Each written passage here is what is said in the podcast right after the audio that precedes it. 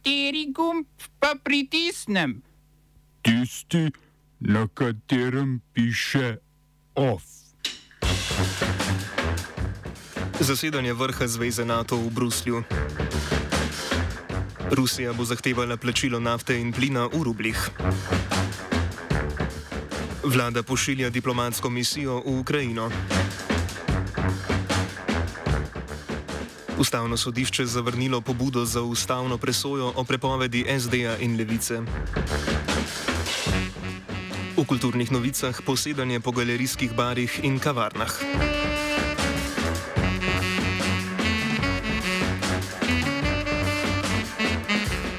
Dober dan. Na vladnem sestanku, ki se je prenašal po televiziji, je ruski predsednik Vladimir Putin napovedal, da bo Rusija zahtevala plačilo za rusko nafto in zemljski plin v rubljih. Namen takšnega ukrepa je s povečanjem povpraševanja dvigniti vrednost rublja, ki od začetka vojne v Ukrajini pada.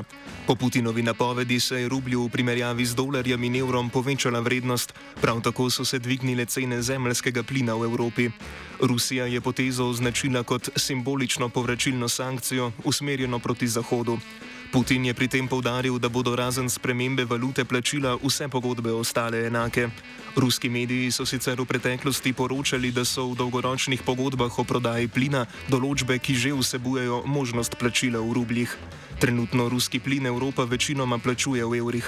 V primeru, da te možnosti v pogodbah ni, bodo morale biti ponovno predmet pogajanja.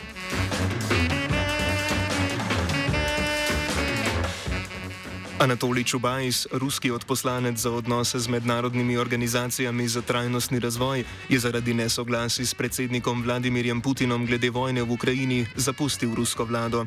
Zaenkrat je Čubajs najvišji uradnik, ki je zapustil Putinov kabinet zaradi invazije. Po poročanju turških medijev se Čubajs trenutno nahaja v Turčiji. Širši javnosti je poznan kot oligarh, ki je bil kot eden glavnih sodelavcev Borisa Jelcina arhitekt privatizacije v 90-ih.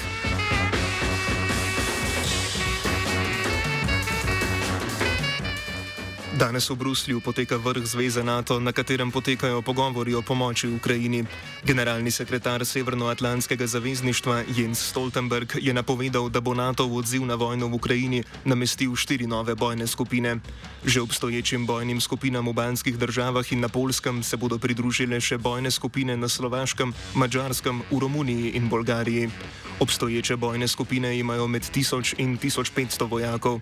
NATO bo imel tako osem večnacionalnih skupin od Črnega morja do Baltika. Dokončno odločitev o bojnih skupinah bodo na srečanju sprejeli voditelji zaveznic. Slovenska vlada je na današnji dopisni seji sprejela odločitev, da se bo na Slovaško odpravilo tudi dodatnih 200 pripadnikov slovenske vojske, vključno z nacionalnim podpornim elementom in štabnim osebjem. Trenutno ima Slovenija v okviru obstoječ, obstoječih misij NATO v Latviji 50 vojakov.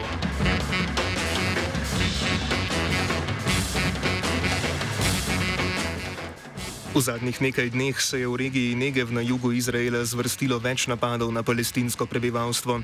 Nekaj ljudi naj bi bilo zaradi napadov hospitaliziranih. Razlog za to je formacija oborožene judovske civilne oborožene skupine, ki se ji je pridružilo več kot 100 prostovoljcev. To skrajno desno paramilico je ustanovil bivši izraelski policist Almog Cohen. Ustanovili naj bi jo zaradi vedno večjih napetosti med ljudi in palestinci ter zaradi odsotnosti izraelske policije na tem območju. Izraelska policija je to skrajno desno paramilico najprej podprla, vendar naj bi, potem ko so skupino obtožili rasizma in spornega financiranja, od aktivne podpore odpustili. Oba, če, če bom odgovoril na angliški. Slovenija bo poskušala pomagati. Slovenija bo naredila naš utmost, da bo rekla, da je situacija naš problem, sami. In da bomo naredili nadaljnje korake, as soon as the conditions are. Bomo vlado Marjana Cererja, Marjana Cererja Šarca podprli. Very, very serious. News from Slovenia. We know how and we will.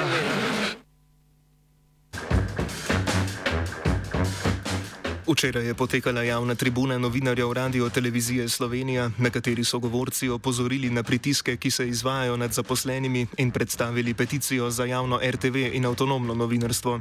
V koordinaciji novinarskih sindikatov RTV Slovenija in sindikatu novinarjev Slovenije opozarjajo, da vodstvo ob podpori programskega in nadzornega sveta, ki služita kot podaljška trenutne politične oblasti, na hitro in mimo uredništev nezakonito kadruje, krči program in straši z odpovedmi.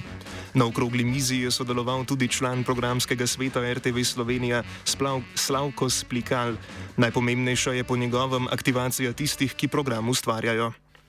Avtonomnost novinarstva, avtonomnost delovanja javne RTV je, um, je utemeljena v delu tistih, ki ste zaposleni v javni RTV. Neodvisnost javne RTV je mogoče zagotoviti z političnimi, pravnimi, ekonomskimi mehanizmi.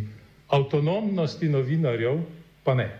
Ker avtonomnost novinarjev in novinarstva je rezultat vaše osebne integritete, vašega osebnega prizadevanja za to, da ohranite avtonomijo. Ustavno sodišče je zavrnilo pobudo Vilija Kovačiča za ustavno presojo o protiustavnosti političnega programa stranke Levica in delovanja socialnih demokratov in Levice. Sodniki so ocenili, da delovanje obeh strank, bodi si v programu, bodi si z izjavami, bodi si dejanji, ni protiustavno. Zauzemanje za drugačno gospodarsko-družbeno ureditev, naprimer družbeno lastnino proizvodnih sredstev in delovsko samoupravljanje, je tako po odločitvi sodišča v skladu z ustavo. Sodniki so odločitev sprejeli s šestimi glasovi za in tremi proti. Zato, da bi ustavno sodišče odločalo o protiustavnosti obeh strank, so glasovali Klemen Jaklič, Marko Šorli in najnovejši sodnik Rok Svetlič.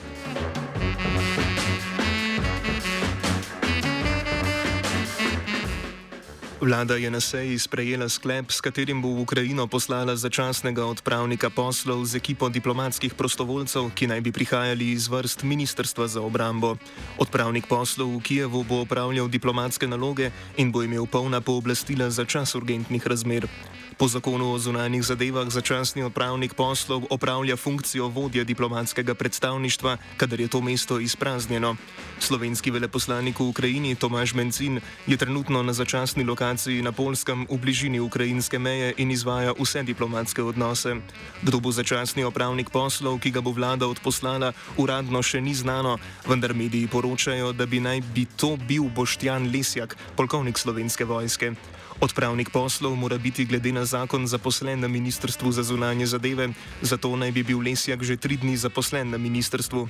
Oborožene diplomatske misije preomenjeni zakon namreč ne predvideva. Ministr za obrambo Matej Tonin je kot vzrok za odpravo, v kateri bodo prostovoljci iz njegovega ministrstva, navedel, da želijo Ukrajincem sporočiti, da verjamejo v njihov uspeh.